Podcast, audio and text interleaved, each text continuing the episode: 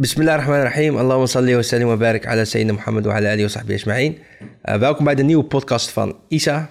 Ik ben Abdul Mohemen, uh, jullie host van vandaag. Naast mij zit Zakaria en onze gast van vandaag, Jos van Rooij. Welkom allebei. Dankjewel. Um, Jos, uh, ja, om te beginnen, hoe, hoe gaat het? Goed, alhamdulillah. Goed. Leuk om jullie weer te zien, weer te zijn.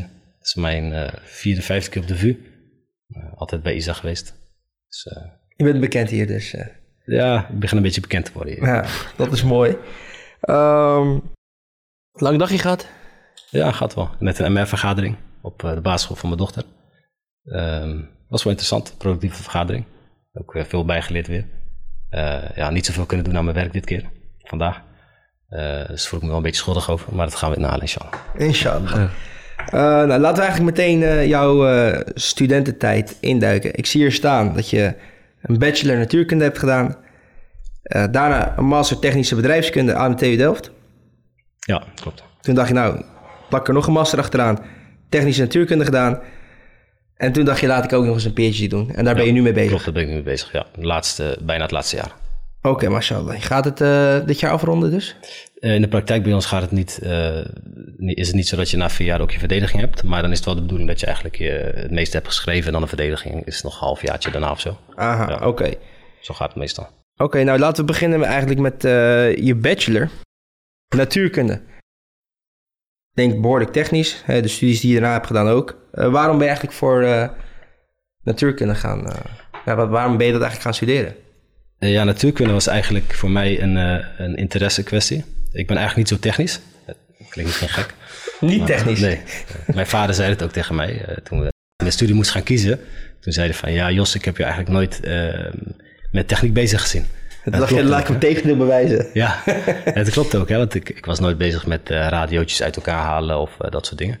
En als je goed kijkt hè, dan naar die studies, dan zie je ook eigenlijk dat het de meest fundamentele discipline is van techniek. Dus natuurkunde is eigenlijk het meest fundamenteel van alle um, ingenieursrichtingen. Ja. ja, je zou misschien nog wiskunde kunnen zeggen. Maar eigenlijk is het... Um, en dat was ook eigenlijk de reden dat ik dat ging studeren omdat ik tijdens natuurkundeles ook altijd dacht hè, van de, uh, bij natuurkunde ga je het hoe en waarom leren van de wereld. Dus je gaat de, de achtergrond weten van hoe alles werkt en uh, zo, zo, zo. En ik had ook dat beeld bij mijn natuurkundeleraar. Ik dacht ook dat hij, ik weet niet of jij het ook had, maar ik dacht dat hij alles wist van, de, van de natuurkunde, zeg maar. Is. Van, hè? Ik had hem echt uh, hoog. En toen ging ik, ja, dat, dus, dat vond ik heel interessant. En toen ik natuurkunde ging studeren, toen leerde ik ook gelijk van, uh, je gaat hier niet leren hoe en waarom. Je gaat hier alleen maar beschrijving leren. Beschrijvende wetenschap van, eigenlijk. de werkelijkheid, ja. Dus Ja, een eh, natuurkundig model of een wiskundig model eigenlijk vatten. En dat was voor mij eigenlijk wel een, eh, wel een teleurstelling. Toen ik dat in het eerste jaar eigenlijk eh Weet je dat in het eerste jaar al? Want Ja. ik, ik, zeg maar, ik kwam zelf daar pas een paar jaar later achter van... wacht even, dit is allemaal slechts een beschrijving en niet echt, zeg Ja. maar, dat er een tussenstap in zit. Ja, dat, ik, weet, ik weet niet, maar bij ons ligt de focus alleen maar op dat, eh, zonder eh, Ja, beschrijven, oké. zonder toepassen. Ja. In ieder geval in de bachelor van natuurkunde. Hmm. Eh, in ieder geval in Utrecht ook. Eh, was algemeen natuurkunde, geen technische natuurkunde. Dus dan leer je echt alleen maar de, de theorieën. Hmm. Maar dan leer je ook gelijk van, hé, dit is een beschrijving. En je kan eigenlijk niet weten of het eh, klopt Dus hoe, of niet. Ja. hoe je het zou moeten toetsen, dat werd je niet echt eh, aangeleerd. Nou, je kan het wel eh, laten zien eh, dat het niet waar is. Ja. Eh, op het moment dat er iets is wat, eh, tegen, eh, wat jou- jouw theorie tegenspreekt, dan is het niet waar. Ja. In principe, als je het niet kan verklaren. Ja. Maar je weet niet eh, dat die beschrijving de werkelijkheid is of zo. Hè? Het is gewoon een beschrijving die klopt. En er zijn voorbeelden van eh, bijvoorbeeld Newton, Ja. wiens beschrijving een hele tijd lang gewoon geaccepteerd was en dacht, eh, man, dat klopt. Het is intuïtief. Als je de mechanica van Newton, die kent, eh, die, die kennen jullie nog wel van de middelbare school. Hè? Gewoon als je een auto hebt en je gooit een balletje van die auto en de auto beweegt 50 km per uur en de balletje beweegt ook 50 km per uur naar voren ten opzichte van de auto, dan is de totale snelheid is 100. 100, ah, mashallah. Ja, ik heb opgelet, hè. Hij is wel sneller dan deze Ik eh, ben op vakantie. Ja. Maar goed, eh, eh, dat, eh, dat is heel intuïtief, maar het blijkt niet te kloppen. Eh, het is, Dus ik had het fout. volgens de mechanica van Newton had je het goed. En bij benadering had je het ook goed, maar die, eh, die eh, voorstelling van Newton, die was gewoon eh, verkeerd. Te simplistisch of zo. ja, eh, maar toch was het intuïtief. Hij werkte voor lage snelheden of niet extreme situaties eigenlijk. Dus de meeste ingenieurs die le- leerden alleen maar Newton en geen Einstein. Heb je Einstein ge- gehad of niet? eh, speciaal? Eén vak. Eén vak, oké. Ja. Toch wel. Ja. Maar, oké. Ger, zeg maar... Pas op, daar ga ik je ondervragen. Nee, nee, nee, nee, nee, nee, maar zeg maar... Ik ben een mechanical engineer, toch? Ja, ja. En ik ben echt van de Newton. Ja, precies. Weet je wel? Maar dat, dat, dat is En dat werkt, dat werkt gewoon bijna altijd. En dan, Wat- wat- jij zegt ja. nu... Oké, ik wil geen discussie beginnen, maar... Moet, moet ik doorgaan? Jouw, jouw met, jouw wat is het met... Mijn method is eh, de method van Newton. Ja. Nee, maar zeg maar, Newton werkt bijna altijd, behalve Ja, soms. klopt. Maar de- wat interessant is, is dat eh, eh, ten eerste dat gewoon eh, de meeste ingenieurs daarmee doen, omdat het werkt. En eh, wat je bij Einstein ziet, dat hij een hele andere onderliggende voorstelling heeft van zaken, die wel eh, accuraat is, voor zover we nu weten. En bij Newton was dat dus niet zo.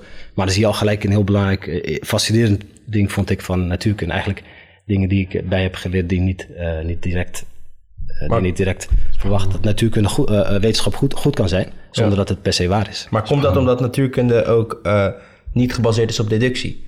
Dus het is de reden waarom wij geloven in zwaartekracht, dat het bestaat, is omdat als je een appel naar beneden gooit, deze altijd blijft vallen. Maar op het moment dat Zakaria een appel vastpakt en deze loslaat en deze niet valt, dan is de hele zwaartekracht eigenlijk theorie ontkracht. En eh, in de logica eh, eh, heet het- heb je abductie, inductie, deductie. En deductie is eigenlijk de, de, het enige waarmee je echt kunt bewijzen in de logica. En natuurkunde is geen deductie, het is of inductie of abductie.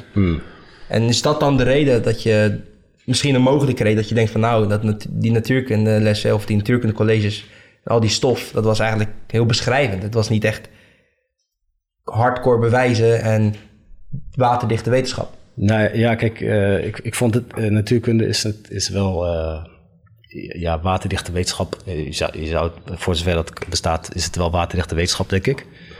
Ehm, en ook als je kijkt naar bijvoorbeeld Einstein met zijn relativiteitstheorie, die heeft echt gewoon dingen die hij net niet per se direct kon waarnemen, heeft hij wel beredeneerd. En dus hij is wel zeg maar vanuit de andere kant gekomen. Hij heeft gedachte-experimenten gedaan met, met eh, licht en, en zo. En zo is hij tot zijn conclusies gekomen van bijvoorbeeld eh, speciale relativiteitstheorie. Dus ik weet niet of het altijd opgaat, dat het ehm, eh, zeg maar de, de vorm, de, inductie, deductie.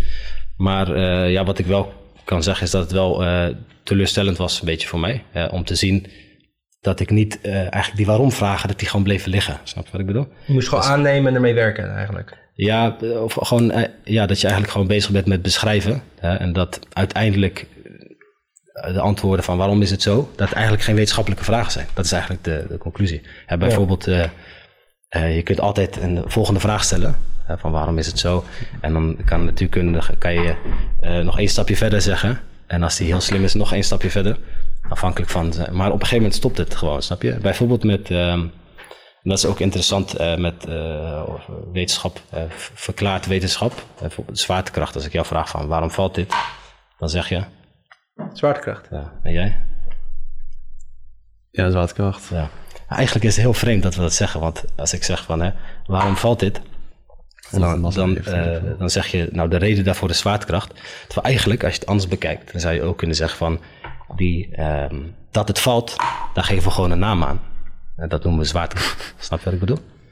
En dat is niet een, verklaring, het is gewoon een beschrijving van het fenomeen. En dat is precies hè, wat, wat ik ook zeg met natuurkunde, het is een beschrijving. En niet echt een verklaring, als je begrijpt wat ik bedoel. Hè, en, en, en we zijn eigenlijk ook een beetje als maatschappij, denk ik, eh, veel mensen die hebben een beetje de illusie dat wetenschap ook verklaart. Terwijl het vaak eh, Beschrijvend is. Beschrijft, ja. Ja, zwaartekracht. waarom, zeg maar. Ja, zwaartekracht is geen verklaring, hè, want eh, ja, het had ook gewoon kunnen blijven zweven. Eh, maar het valt en dat noemen we zwaartekracht, Ja, ja. snap je? Maar ja, en da- in het begin had ik daar moeite mee. Maar we kunnen er wel berekeningen mee doen, toch? We kunnen snel het valt. precies, en en- dat is de kracht van natuurkunde ook, ja. Dat, dat je dat kan doen, dat je dat kan berekenen. En Ja. Dat je er ingenieurs eh, dingen mee kan doen, eh, zoals Zakaria doet. Oh, sorry. Je had het net heel kort over relativiteitstheorie.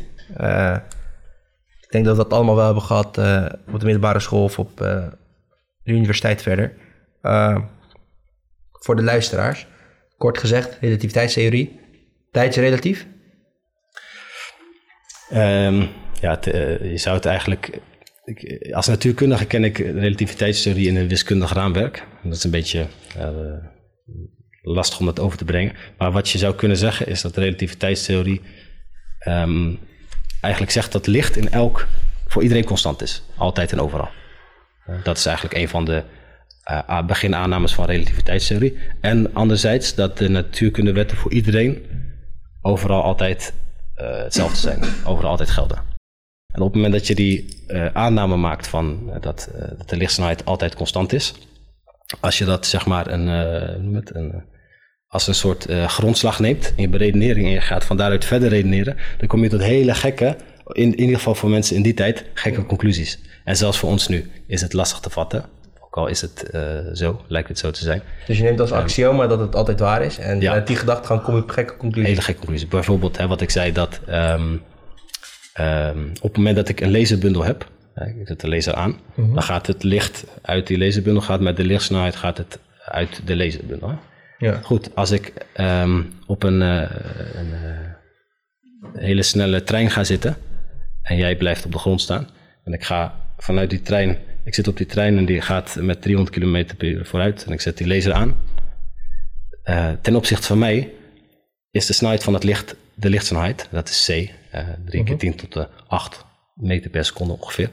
Maar ten opzichte van jou is die snelheid van het licht ook nog steeds hetzelfde. Dus niet meer uh, ten opzichte van mij, als ik het balletje gooi, 50. Mm -hmm. En ten opzichte van jou is het 100. Mm -hmm. Begrijp je wat ik bedoel? Ja, ja. Maar het is nog steeds C. Maar en komt dat niet omdat het verschil tussen 300 en 300 km per uur en tussen lichtsnelheid zo groot is dat het verschil niet meer uitmaakt. Nee, het is echt een uh, fundamenteel iets. Ja, dus het is, uh, of het nou 300 km per uur is of uh, 3 miljoen. Okay. Of wat dan ook. Hè. Het is, ja, je kan niet sneller dan de lichtsnelheid. Ja. Maar het is een fundamenteel iets. Dus hij is altijd hetzelfde. En dat betekent dat de tijd voor de een um, langzaam moet, moet gaan dan voor de andere. Snap je? Omdat anders kan je niet die, anders kan je niet bewerkstelligen dat de lichtsnelheid gelijk is in beide frames. Het is een beetje, het is een beetje diep. Ja. Het is ook heel freaky. En dat is ook mooi aan natuurkunde, vind ik. En dat zijn dingen die ik eigenlijk later ben gaan waarderen. Want in het begin ben ik een beetje afgeknapt op natuurkunde. De eerste paar jaar. Ik heb eigenlijk met tegenzin heb ik die hele bachelor afgemaakt. Ja. Maar zeiden mensen tegen mij van ja, uh, maak het gewoon af, weet je wel. Dat, dat, uh, ben, daar ben ik ook heel blij mee. Dat ik gewoon, ondanks tegenzin, dat ik het gewoon af heb gemaakt. Ja. Maar die, die dingen heb ik achteraf wel kunnen waarderen. Van die, die, die inzichten dat je ziet hoe raar eigenlijk de wereld werkt soms. Ook kwantummechanica is ook heel raar. Dat je zeg maar, uh, nou goed, de twee spleten experiment, ik weet niet of je ervan gehoord hebben.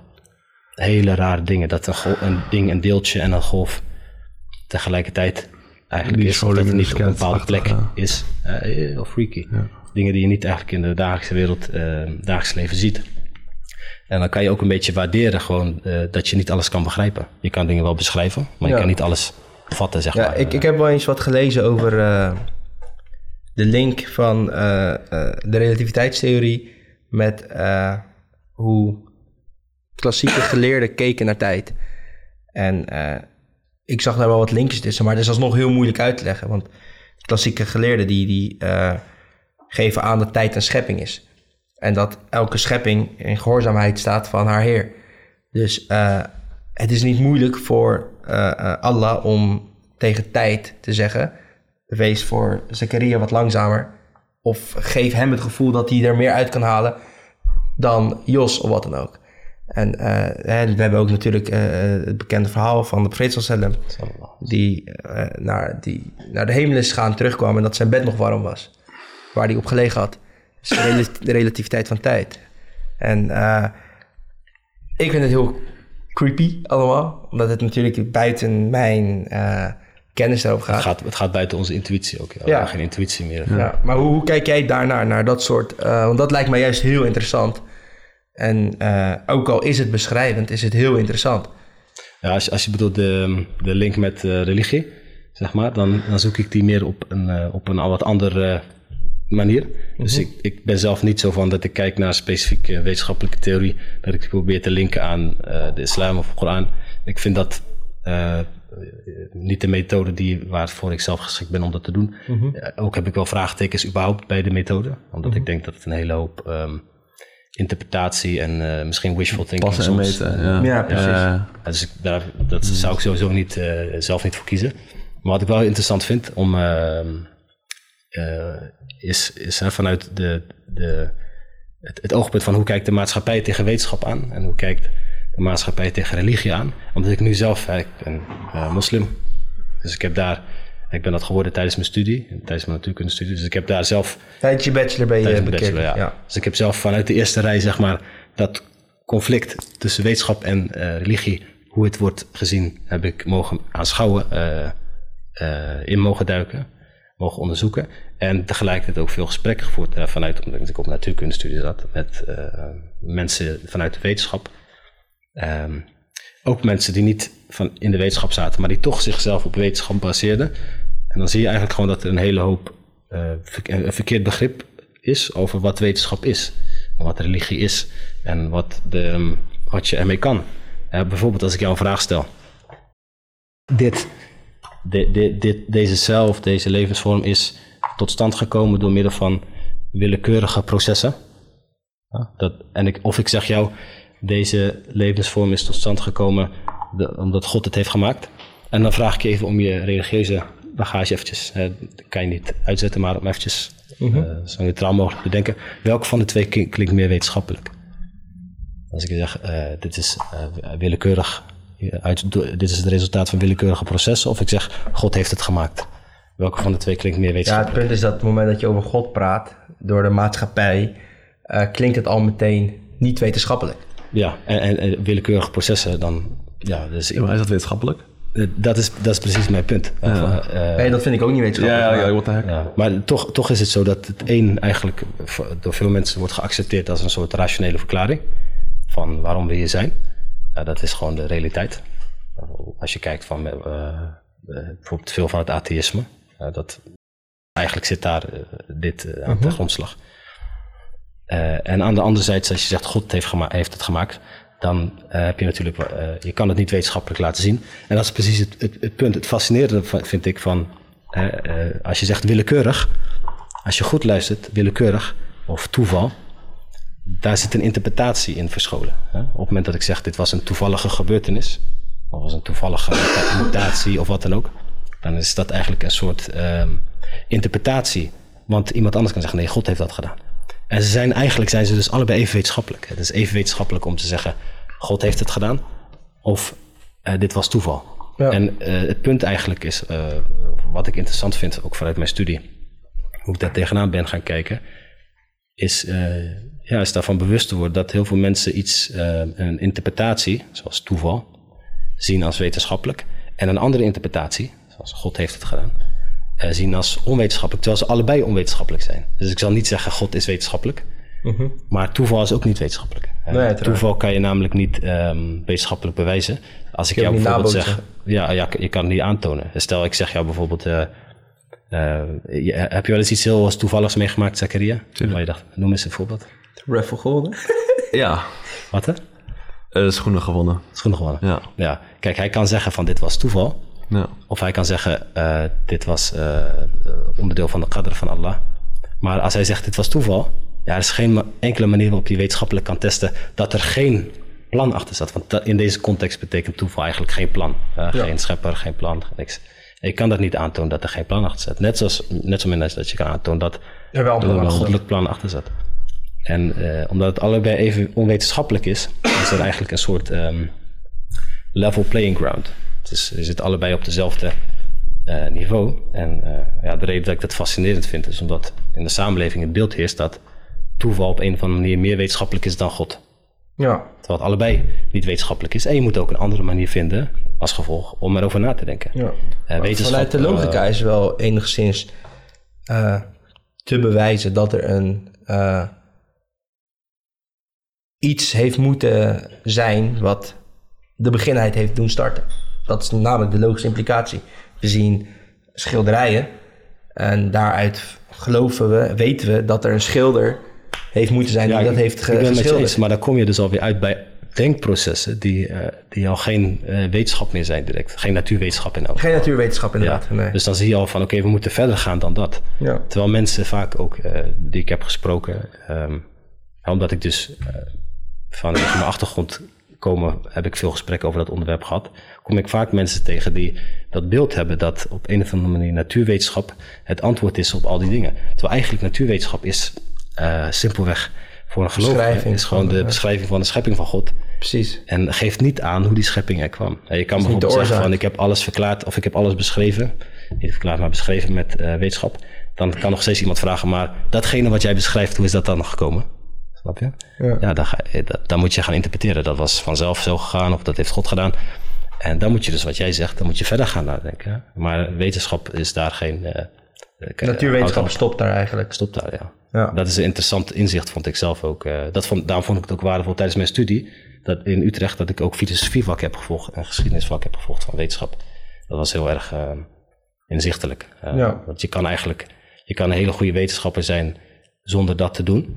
Maar dan uh, zolang, zolang je geen implicaties gaat uh, zolang je geen conclusies gaat trekken over wetenschap in, in de andere context van de wetenschap. Uh, Zodra je wetenschap wilt gaan, um, of conclusies wilt gaan trekken over wetenschap in de context van bijvoorbeeld religie of levensbeschouwing, dan is filosofie heel belangrijk. En ja. geschiedenis van wetenschap. Logica, filosofie, verzamelingen, et cetera. Ja. ja.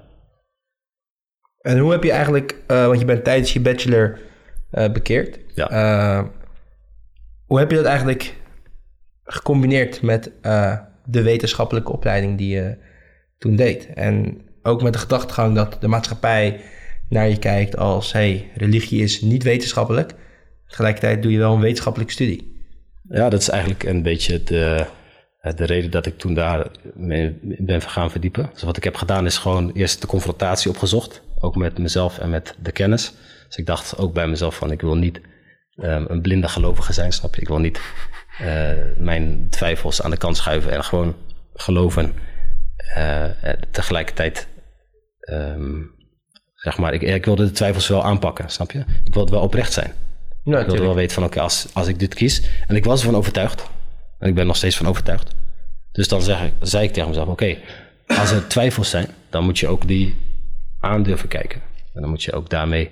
Uh, uh, die moet je ook oplossen voor jezelf. En toen heb ik dat ook gedaan. In de zin van, uh, ik ben toen ook, uh, ik heb boeken gelezen van bijvoorbeeld Richard Dawkins, vooraanstaande atheïst. Ik heb mezelf uitgedaagd.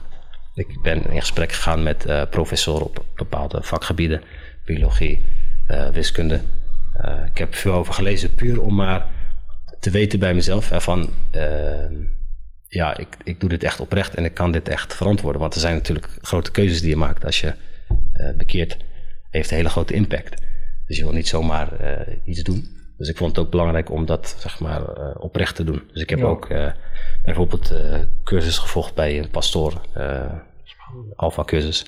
Gewoon omdat ik wilde zien van hè, wat is er allemaal. En je bent op onderzoek uit geweest. Precies. En dat, dat met dat wetenschap um, ja, doe ik het eigenlijk nog steeds. En in die tijd met inzichten die in de, zijn gekomen, ben ik, pleit ik ook wel ben ik ook wel aan het pleiten. Uh, doe ik ook wel af en toe in uh, praatjes, in lezingjes. Uh, vorige keer ook hier op de vuur voor een aantal ISA-studenten. Om um, dat bewustzijn te creëren over wat is wetenschap, wat is religie, wat zijn de implicaties van wetenschap. om even dat begrip ehm, mee te geven aan, ja, in dit geval aan moslims, maar ik weet het ook niet-moslims in mijn eigen omgeving. Um, dat, dat eigenlijk dat verkeerde begrip wat ik soms terugzie, dat men um, denkt dat wetenschap God overbodig heeft gemaakt, om even samen te vatten. Snap je? En dat, ik heb dus gezien, en wat ik net ook een beetje heb uitgelegd, dat dat een, um, ja, gebaseerd is op een onbegrip van wetenschap, van wat wetenschap eigenlijk is. En dat is ook best gek, want heel veel uit te weten. Kijk, ik moet natuurlijk niet op geschiedenis gaan teren, maar heel veel wetenschap komt van zij die juist een, uh, uh, in een God geloofden. Dus als je kijkt maar naar de uh, Newton, was een Jood. Uh, kijk naar de wiskundige wetenschap. Dat wist ik niet trouwens. Ja, Ishak Newton was een Jood. Oké. Okay. Uh, nou Ishak? Hij Newton. MashaAllah. als je kijkt naar de wiskunde, het woordje algoritme. komt van algoritme, noem het maar. Al, eigenlijk ons hele fundament van wiskunde. wat als raamwerk wordt gebruikt in natuurkunde, komt vanuit uh, communities die gewoon echt geloofden in een God en daar juist hun uh, denken uithaalden. Dus ik vind het gek dat we eigenlijk opeens in een community leven waarin zij die geloven in een god worden afgeschilderd als eh, ja, mensen die in eh, sprookjes geloven. En dat het heel onacademisch is en heel onwetenschappelijk. Ja. Maar geloven dat dit er random is. Het is, het is in feite ook onwetenschappelijk. Het is onwetenschappelijk, maar het is het- niet minder onwetenschappelijk dan, Dan dat geloof dat toeval toeval is. was. Ja. En op, op logische gronden, wat je zelf ook al zei, eh, geloof ik dat het, eh, dat het eh, overtuigend is dat het gemaakt is en niet dat het niet gemaakt is. Maar goed, dan moet je inderdaad buiten dat stukje wetenschap gaan kijken, buiten natuurwetenschap. Ja. En op die manier kan je ook, als je die discussie, zeg maar, of als je daar eh, ingaat, en er zijn tegenwoordig wel materialen om dat te doen. Je hebt bijvoorbeeld Hamza Georges, die volgens mij heeft er wat over geschreven. Eh, dan zie je ook dat die discussie door heel veel mensen op een hele onvolwassen manier wordt gevoerd. Niet alleen vanuit eh, niet-moslims, maar ook vanuit moslims. Onvolwassen bedoel ik niet in termen van gedrag, maar meer intellectuele basis. Bijvoorbeeld als iemand zegt, je hoort soms wel eens iemand- mensen zeggen van ja, het is maar een theorie. Het is maar een wetenschappelijke theorie. Weet je wel. Dat is weer te simplistisch. Ja, zo, daar gaat het niet om. Nee, precies. Aan de andere kant hoor je ook mensen zeggen van ja, ehm, eh, vroeger dachten we dat eh, God alles gedaan had, maar tegenwoordig hebben we wetenschap. Ja, jullie hebben allebei niet begrepen hoe, eh, wat wetenschap is. Je? Eigenlijk zou je dan zeggen dat natuurwetenschap simpelweg hetgeen beschrijft in mensentaal wat God gedaan heeft. Exact, ja. En het, dat is eh, een interpretatie. En- Net ja. zoals dat het interpretatie is dat je zegt datgene wat je beschrijft is hier vanzelf of hoe dan ook dat je wil. Maar is het, is het probleem dan niet dat de discussie wordt gevoerd door de verkeerde mensen? Ja, dat is altijd een Ja, like, eh, die verkeerde mensen die hebben dus aanhang. Ja. Subhanallah. Ja. En dat, dat is wat je heel vaak ziet. Gewoon de verkeerde mensen praten en daarom bestaan er misconcepties. Subhanallah. Ja, je, ziet- je ziet ook wel eens met de wetenschap in, eh, in, eh, in de Koran. Zie je ook soms, hè, vind ik zelf, een onvolwassen manier, intellectuele manier. en mensen die bijvoorbeeld al van alles en nog wat Kijk maar. zien in bepaalde ayat. En, terwijl eigenlijk, ja, als je vanuit de moet je aan de tafsir geleerde laten. Exact, exact, ja. Dus dat zijn dingen waar we ook wel als gemeenschap in, in kunnen groeien, denk ik. Dat is ook, Vind ik eh, ook. Dat is ook een van, de, eh, een van de dingen waar ik mijn eigen bijdrage zie, hè, van, met mijn achtergrond. Ja. Maar zeggen dan tegen iedereen van nee, dat klopt niet. Van eh, niet zo doen. Don't do, do, don't do this. Hoe Nee, ik, probeer meer, ja, het- ik vind het altijd lastig. eh, ik probeer wel een beetje in, in, eh, in vraag, een beetje in een soort vraagvorm Ja. mensen aan het nadenken te krijgen daarover. Ja, want stel als je hun wetenschappelijke basis in het geloof van islam zeg maar neerhaalt, dan krijgen zij misschien twijfels of zo. Oh, je bedoelt met de, dit, dit eh, specifieke ding. eh, eh, ja, dit, nee, dat is, kijk, ik- dat ga ik niet doen. Allah niet doen. weet je wel. Ik, als, als iemand op die manier tot de dien is gekomen, alhamdulillah, dat ga ik niet doen. Maar meer als, als ik bijvoorbeeld iemand zie die dat als basis maakt voor zijn da'wa-werk, Oh, en ik spreek hem, ja. Dan ga, wil ik Dat wel is over spreken. Ik heb het zelf ook een keer gedaan. Ik moest ergens een praatje geven. Ja. En net voor mij had, had iemand een praatje gegeven, zeg maar, vanuit die invalshoek van wetenschap. In de, en ik zat erbij, ik dacht van oké, er is een, een niet-wetenschapper was het aan het vertellen. En ik dacht bij mezelf van heel, op heel veel dingen, eh, ja, sla je de plank gewoon mis. Volledig mis, ja. Ja, en het, het- ja, misschien overtuig je je publiek, maar je publiek zijn ook zeg maar, mensen, eh, algemene mensen zonder wetenschappelijke kennis. Maar het, is niet intellectueel eh, integer eh, wat je doet. En daarna moest ik een praatje geven. En ik ging dat, ik, ik zeg ja, jongen, ik ga het zo eh, vanuit deze kant ga ik het pakken. En ik, deze aanpak vind ik niet zo zo. Maar goed, toen was ook achteraf hoorde ik kritiek. Hè? Dus het, is, het is wel een, Kritiek op jou of op die ander? op mij. Oh, Ja, dus ik wilde nog wel over in gesprek met diegene. Oh, maar om maar te zeggen van, ik, ik denk wel dat het goed is als die discussie wordt gevoerd. ja, ja. Ja, Ik weet niet of, het is, of ik ben het vergeten, maar wat is de methode die jij dan wel aanhoudt? ja, uh, de methode van de Koran, wat ik geloof, is om mensen tot nadenken te zetten. Okay. Eh, de Koran zet heel veel vragen. Uh, zoveel vragen als de Koran opslaat. Awalam yaral insanu anna khalaqnahu min nutfa. Fa'idha huwa khasimun mubin. Heel vragen. Kayfa takfuruna billahi wa kuntum amwata. Hoe kunnen jullie ongelovig zijn in Allah?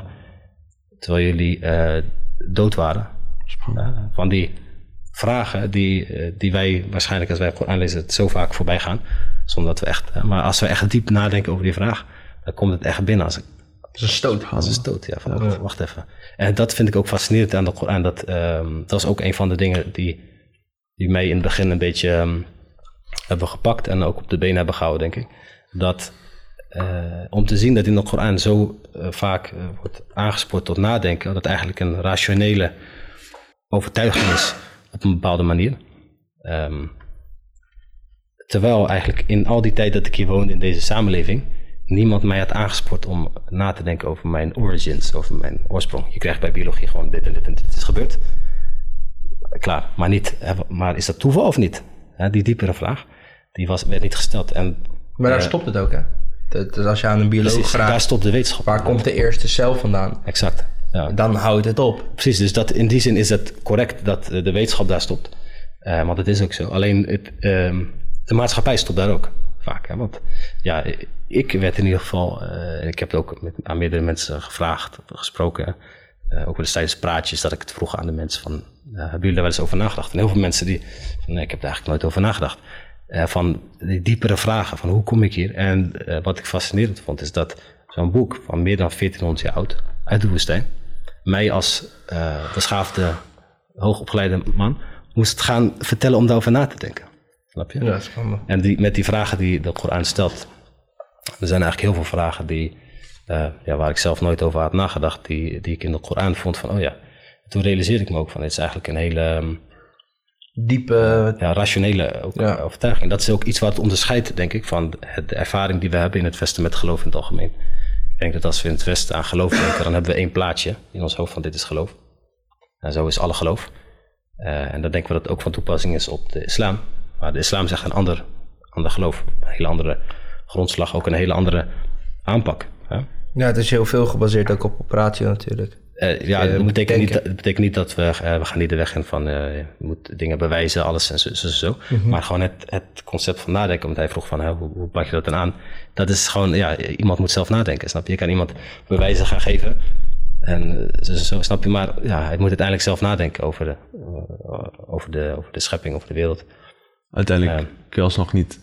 Ja, Allah alam. Kun je alsnog... Ik, ik, ik, heb er geen, eh, ik heb er niet echt zelf over nagedacht, maar kun je logisch beredeneren dat Allah bestaat? Hij, Ja, ik geloof hem wel. Want maar- geloof, eh, ja, maar nu zeg je weg geloof, hè? ja, maar Ah, oké, dat is wel. Ja, dat, heb- dat ik is, heb- dat is niet eerlijk. ja, ja. Maar eh, Ja, ik heb mijn scriptie daar eh, toevallig over gehouden. Het, eh, je hebt in de logica een probleem. Dat heet het logische alwetendheidprobleem. En eh, daarin wordt gesteld dat eh, kennis, ehm, zoals ik net al aangaf, heeft logische implicaties. Dus eh, als A dan B en als B dan C, dan weet jij eh, dat als A gebeurt, dat dan C gebeurt.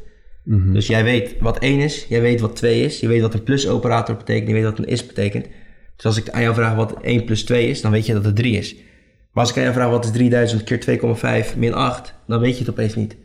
Betekent dat dan No, dat die operatoren, betekent dat die operatoren niet kloppen? Of betekent dat die logische implicatie niet klopt? Of ligt dat aan het feit dat jij als agent eh, bepaalde beperkingen hebt? En als jij die bepa- bepaalde beperkingen hebt, waarom bestaan die beperkingen en hoe zit het dan met logica? Dus die probleemstelling zei eigenlijk, er bestaat geen alwetendheid. En wat ik toen heb proberen op te lossen is die alwetendheid wel te bewijzen door te erkennen dat logische implicatie altijd, als je zegt als A dan B, dan moet noodzakelijk A daar zijn om B te activeren. Hmm. En als je dat helemaal doortrekt, kun je bewijzen met de logica dat er iets, de onbewogen beweging, zoals Aristoteles zegt, dat er iets had moeten zijn wat altijd al was en zelf niet door iets anders getriggerd wordt. En dat is de enige manier hoe je vanuit logica kan beredeneren. oké, wacht. Over welke triggering heb je het nu? Elke trigger, Oh, oké, maar elke, elke vorm van trigger, elke, alles wat er in gang gaat. gewoon dit, zeg maar. Noem het maar. Oké, Dus zoals biologen zeggen, hè, een cel dat eh, eh, er is zeg, de Big Bang. En waar komt die Big Bang dan vandaan? Ja, een cel die begon te triggeren. Oké, maar waar komt die trigger vandaan? maar wacht. Is de, is de Big Bang... ja, ja. Ja. Maar is de Big. Bang... eh, dat is, daar zijn ze ook niet zeker over, weet je wel? Nee, maar stel je zou aannemen dat alles daarvanuit zou bestaan, dan heeft alles een, heeft een trigger nodig. Alles is een, Oké, een als, als iets gebeurt, dan dat. En die trigger, die moet gebeuren. oké. en En wat, wij geloven dat dat kun via kun is. Tuurlijk. Dat is de trigger die waar wij in geloven. maar wat is dan de trigger waardoor je uiteindelijk bij Allah komt? als je terugredeneert, reverse engineering, dan heb je een schilderij. En als je naar de schilderij kijkt en je gelooft als A dan B en dit is B, dan moet A geweest zijn. Sure, en hoe kom je bij Allah? Ja, hoe je, waar, of je nou gelooft dat dat ene celletje altijd al heeft bestaan en dat celletje alles in werking heeft, dan is dat celletje jouw God. Hoe je over godheid praat, dat is een, op een gegeven moment een, een, een theologisch vraagstuk. Van eh, waar is God, hoe ziet God eruit en dat soort dingen. Maar de essentie in logica, dat er een A had moeten zijn die die trigger heeft afgevuurd en die er altijd was. Ja, maar dat, dat, Dat is- begrijp, dat begrijp ik. Ja, maar heel veel mensen die eh, kijken niet zo op die manier vanuit logica naar de wereld toe, waardoor ze dus die hele A ook ontkennen. Dus die komen als je dan teruggaat naar, als je, dat kun je heel makkelijk doortrekken met je voorvader. Wie is jouw vader? Wie was zijn vader? En wie was zijn vader? Op een gegeven moment moet dit ergens stoppen. Anders kom je dus in oneindigheid van mensen. En ze zeggen, ja, dan kom je van A. Sure, sure. En oké, maar waar komt het uiteindelijk dan vandaan? En wat heeft het dan neergezet? Waar is die A? Wat is die onbewogen beweger? En dat is wel een stelregel in de logica. En dan in logica houdt zich niet zoveel beter. Want, eh, de mensen, de lo- meeste logici, eh, nemen eh, Noam Chomsky, ook een Jood, die houdt zich niet zo bezig met religie in, in logica. Die gelooft dat religie is voor het geloven. En dat je met logica dat wel kan benaderen, maar dat de algemene mensen daar toch geen behoefte aan hebben. Dus dan wordt een hele andere discussie eigenlijk gevoerd. Maar ik geloof zeker, en ik durf eigenlijk wel te zeggen, ik weet zeker dat je vanuit de logica en zelfs vanuit de wiskunde kan bewijzen dat er een onbewogen beweger heeft moeten, moeten bestaan en die nog steeds bestaat.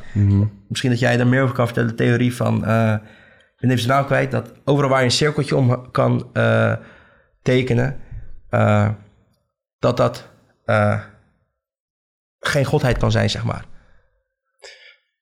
Ja, er is een wiskundige theorie die uiteindelijk eigenlijk bewijst dat er wel een godheid moet bestaan. Ja, het is- ook interessant om te zien dat je eh, hele verschillende aanpakken hebt. Vanuit de natuurkunde bijvoorbeeld, als er over gesproken wordt, wordt er al gauw vanuit Big Bang eh, dingen over gesproken. Dan is de vraag van wat is er voor de Big Bang? En dan heb je, ja, er was een eh, multiverse en eh, misschien kennen jullie de discussie. Ja. Maar vanuit het natuurkundig oogpunt, vanuit logica heb ik geen verstand van. Maar vanuit het natuurkundig oogpunt is het, kom je al dan op een heel speculatief terrein uit. Eh, Er wordt gewoon speculatie van Ja. eh, wat is er voor de Big Bang? Eh, ja, dat, dat biedt eigenlijk geen uitweg. Het, is, het is ook heel krom als je zou zeggen van we, we hebben een bepaalde logica met z'n allen. Dat, ook common knowledge. Dus als ik nu Zakaria een stoot geef op zijn kaak, dan zie je dat. En dan weet jij, dat doet vast pijn. Hij vindt dat niet fijn. Want als ik hem een stoot geef, dan doet dat bij hem pijn. Logische implicatie. We denken altijd in logische implicaties. De hele wereld praat in logische implicaties met elkaar. Als dit gebeurt, dan dat. Als dit gebeurt, dan dat. Maar de communicatie intern gelooft erin, maar extern, als we kijken naar hoe dit allemaal in gang is gezet, ja, dan bestaat opeens die logische implicatie niet meer. Het feit dat die aarde er is, betekent dus volgens diezelfde logische implicatie dat er iets is wat het in werking heeft gesteld, maar dat vergeten we dan. Dan zeggen we heel simplistisch, dat is te moeilijk voor ons, dat kunnen we niet aan. En dat is best krom, best hypocriet ook. En vandaar ook het logische alwetendheidsprobleem in de logica. Met modale logica, die noemt dat ook gewoon hypocriet. Hoe, hoe kun je, je bent niet consistent in het volgen van de logica-regels. Ja, ik, ik, ik, ik denk dat, eh, dat, die, eh, dat het een lastig vraagstuk is, ook vanuit de logica. En Ja. wat vanuit de natuurkunde, en dat is een beetje ook, je hebt allemaal verschillende inzichten vanuit de natuurkunde, eh, leren we dat niet alles lo- ja, begrijpelijk hoeft te zijn. Of sommige dingen die zijn, eh, sommige mensen komen met bepaalde redeneringen waarbij ze de common sense in de wereld ex- willen extrapoleren naar eh, bijvoorbeeld ehm, naar, ja, naar alles. Terwijl vanuit de natuurkunde leren we, jouw common sense, die werkt niet altijd in de realiteit. Bijvoorbeeld op hele kleine schaal of op, he- in hele extreme situaties.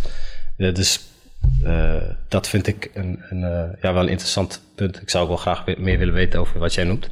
Ja. Ehm, maar goed, vanuit, als natuurkundige ben ik sceptisch ten opzichte van dat soort dingen. Denk van ja, Ja, maar de dingen die we nu eigenlijk allemaal opnoemen, dat, dat wordt al 1400 jaar of zelfs langer eh, eh, geroepen en daarmee eh, mogelijk bewezen. Alleen het is veel makkelijker, vooral met de wetenschap die we nu hanteren hier in, in eigenlijk het Westen, is dat alles empirisch moet worden bewezen. En eh, ja, als jij dat als axioma hebt, dat alles empirisch moet zijn, alles wat dus niet empirisch is, is dan per definitie ook meteen ja maar dat, dat is sowieso een, een verkeerd axioma. Dan weet je niet Ja. dat je moeder jouw moeder is. Ja, dat is onhoudbaar. Precies. Ja, of of dan heb je ook een probleem met bewustzijn. Bewustzijn is ook een, Ja, eh, dromen, een probleem. eh, noem het Ja, maar. wat, is, Alles. wat is precies bewustzijn? Je kan het niet echt vatten. Ja, Je kan er wel misschien bepaalde metingjes aan doen, maar je kan het niet echt vatten. Maar Ja. toch bestaat het, we ervaren het. Weet je? Dus ja. ja, dat Ja, is ook die, eh, die naturalistische lens. Hè? Op het moment dat je naar de wereld kijkt van alles moet eh, natuurkunde en biologie en wiskunde zijn. Ehm, en er bestaat niks daarbuiten. Ja, dat is een bepaalde lens of manier waarop je naar de wereld kijkt. En het is ook goed om, eh, ja, om te beseffen van door welke lens kijk je naar de wereld. Hè? Ja, Dat ook voor atheïsten. Hè? ja. Zeg maar, ik heb het gevoel, maar dat is eigenlijk hetzelfde als wat ik net zei. Like, dat de fouten die worden gemaakt, die, die worden door enthousiaste studenten gemaakt. En, zeg maar, en ik zie niet, Allah, zeg maar, ik ben geen expert in dit gebied hoor. Maar als, ik denk dat als je praat met echt, eh, echt eh, gewoon wetenschappers, gewoon professoren die echt matured zijn in het vakgebied, dat zij zulke beweringen niet eens maken. Dat, dat zeg maar alleen dit bestaat en de rest van de modellen niet of zo. Want zij erkennen zelf ook wel dat, dat ze geen waarom-vragen kunnen beantwoorden, weet je wel. In principe wel, ja. Maar Dus- ja, het ik, heb, ik had bijvoorbeeld een eh, les eh, of een vak ehm, elektrodynamica, volgens mij was dat vak. En dan, kregen we de Maxwell-vergelijkingen. De Maxwell-vergelijkingen beschrijven het licht. Een hele fascinerende eh, tak van wetenschap, ook van natuurkunde. En die docent zei ook van, ja, dit is, de, dit is de beschrijving, maar we zeggen niet dat het zo is. Het is gewoon de beschrijving. Hij benoemde dat, dat vond ik wel... Procesbeschrijving Ja. eigenlijk. Ja, dat vond ik wel goed dat hij dat deed. Ja. Want het liet wel zien van, hé, hij is daarvan bewust. Hij is scherp. Maar dat betekent niet dat, eh, wetenschappers niet ehm, in dat soort valkuil kunnen vallen. Ja, want zoals ik zei, je kan een hele goede wetenschapper zijn... zonder per se filosofie van wetenschap of Ja. geschiedenis van wetenschap eh, bestudeerd te hebben. En ja, wetenschappers zijn ook gewoon mensen. Ja, natuurlijk. Dus eh, net zoals dat eh, slimheid niet gelijk staat aan moraliteit... Nee, absoluut. eh, hoeft het ook niet te betekenen dat je in dat opzicht... eh, ja, eh, het altijd bij het juiste eind hebt. Want dan heb je, je hebt gelovige wetenschappers, je hebt niet gelovige wetenschappers, ja. Ja, Eh, je hebt ze allebei. Ja? nee, dat klopt. Je hebt ook prominente gelovige wetenschappers. Ja. Maar het lijkt wel alsof het nu gewoon veel beter verkoopt om ongelovige wetenschap te zijn. En het klinkt een beetje heel heftig, dat zeg, maar Darwins werk, iedereen kent Darwin. En eh, ik ben niet goed in namen, maar Darwins werk is voornamelijk gebaseerd op het werk van zijn collega, eh, die overleden was tijdens het leven van Darwin. En die collega eh, van hem, die was twee jaar voor zijn, eh, voordat hij overleden was, is hij christelijk geworden omdat hij na al dat onderzoek, al die onderzoeken had gedaan, dacht hij, dit, dit kan gewoon niet zomaar zijn. Er moet wel iets zijn en is hij christelijk geworden. Alleen, ja, dat zien we, dat zien we niet terug op, de, op het moment dat we het over Darwinisme leren tijdens de biologie. Daar gaat het echt over Darwin en over dat atheïsme daaruit voortgekomen is. Terwijl de grondlegger van het Darwinisme, dus zijn collega, uiteindelijk zelf op, op, op christendom gestorven is. Ja, maar ze- kijk, dat, dat vind ik niet persoonlijk niet eens zo'n... eh, Want stel dat dat die andersom was gedaan. Nee, maar het gaat niet om het tweede. Het gaat wel om, om eh, wetenschap gaat om transparantie en betrouwbaarheid. En op het moment dat je mensen credits gaat geven die eh, niet alleen aan hem toebehoren, dan is dat behoorlijk onwetenschappelijk in de dat? academische Ja, wereld. sure. en de Maar- reden waarom dat niet gedaan is, is omdat het niet verkoopt. Want dat was een christen. Dat was iemand die wel in God geloofde. En dat gaat tegen het idee van... Oh, wat, is, dat, is dat het idee? dat, dat is waarom het niet wordt verteld. Are you sure? Ja, dat is. Darwinisme is, Allah, is veel interessanter erin. Nou, wat, wat, ik, die- wat ik persoonlijk eh, interessanter vind, is om naar, ja, nou, naar die, eh, de, de, de, de filosofie te kijken eigenlijk, van evolutietheorie. Wat we al zeiden net met, op het moment dat je zegt van iets is toeval of niet, dan, dan doe je al een interpretatieuitspraak, of een geloofsuitspraak eigenlijk. Ja. En ja, evolutietheorie kan zeggen van ja, het is een eh, hele goede wetenschappelijke theorie. Maar goed, wa- wat, wat, is de implicaties ervan, eh, wat zijn de implicaties ervan als je dat zegt voor je levensbeschouwing? Zoals we hebben gezegd, het, eigenlijk de meest fundamentele vraag, denk ik persoonlijk, is, is, het, is iets toeval of niet? Is, eh, heeft God het gedaan of niet? Hoe het ook is gebeurd, wat er ook is gebeurd. Hè? Daar kunnen we een eh, andere discussie over voeren. Ja. Maar die, ehm, op het moment dat je zegt van eh, het is toeval, ja, dan, dan is, is dat niet wetenschappelijk. Terwijl, en dat is een beetje het punt, hè, dat men toch het idee heeft dat dat wel wetenschappelijk is. En zo zie je het ook vaak verpakt. Eh, dat is een beetje de, de, ja, dat is een belangrijke boodschap, denk ik, om mee te geven. Spannend. Je bent na je bachelor natuurkunde, ben je technische bedrijfskunde gaan doen. Ja, ik was even klaar met natuurkunde. Ja, en was dat ook voornamelijk om... eh, Hij was al bekeerd. ja, nee, dat sowieso, maar je gaf net aan van natuurkunde was je eigenlijk een beetje eh, disappointed in, hè, een beetje Ja. teleurgesteld. Is dat ook een van de redenen dat je daarom dacht, nou, ik ga nu even bedrijfskunde doen, technische Ja. bedrijfskunde? Ja, ja, ik was wel echt eh, een beetje klaar met natuurkunde. Maar ook wel tegelijkertijd heel blij dat ik het had afgemaakt. Want toen ik dat papiertje in mijn zak had, oké, natuurkunde, nou, dat is wel lekker, papiertje. Maar toch was ik ook wel, eh, ja, mijn, motivatie was weg voor natuurkunde. Mijn interesse was weg voor natuurkunde. Eh, toen dacht ik van, nou, ik ga eventjes kijken wat voor andere mogelijkheden er zijn. En dat bleek dat er in Delft eigenlijk een soort eh, opleiding, of een, soort faculteit was, waarbij je met een beta-achtergrond ook daarna kon specialiseren in meer management of dat soort dingen. En dat leek me wel leuk.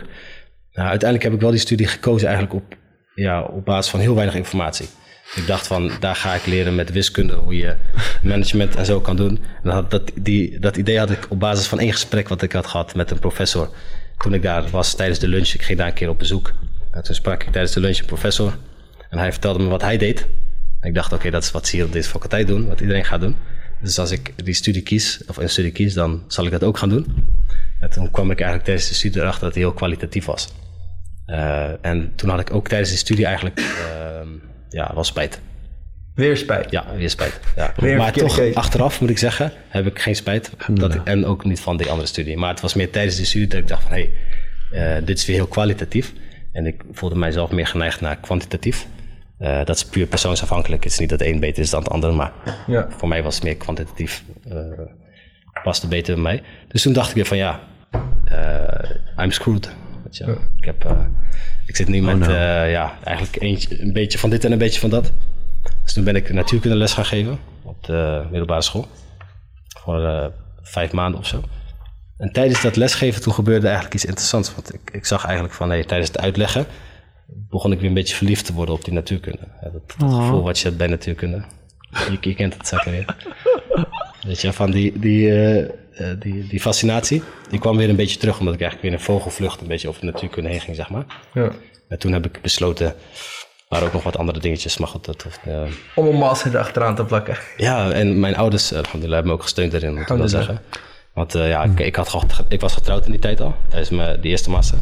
En ik had inmiddels al één kind. En het tweede zat eraan te komen toen ik die stap maakte om van docentschap naar de tweede master te gaan. Dus het tweede kind zat er al aan te komen. Um, ja, mijn ouders hebben wel, mij wel erin gesteund. Uh, en, en, ja, die, tijdens die, uh, toen ik bezig was met die tweede master van natuurkunde, toen had ik wel echt motivatie. Dat was geen vergelijking met de bachelor.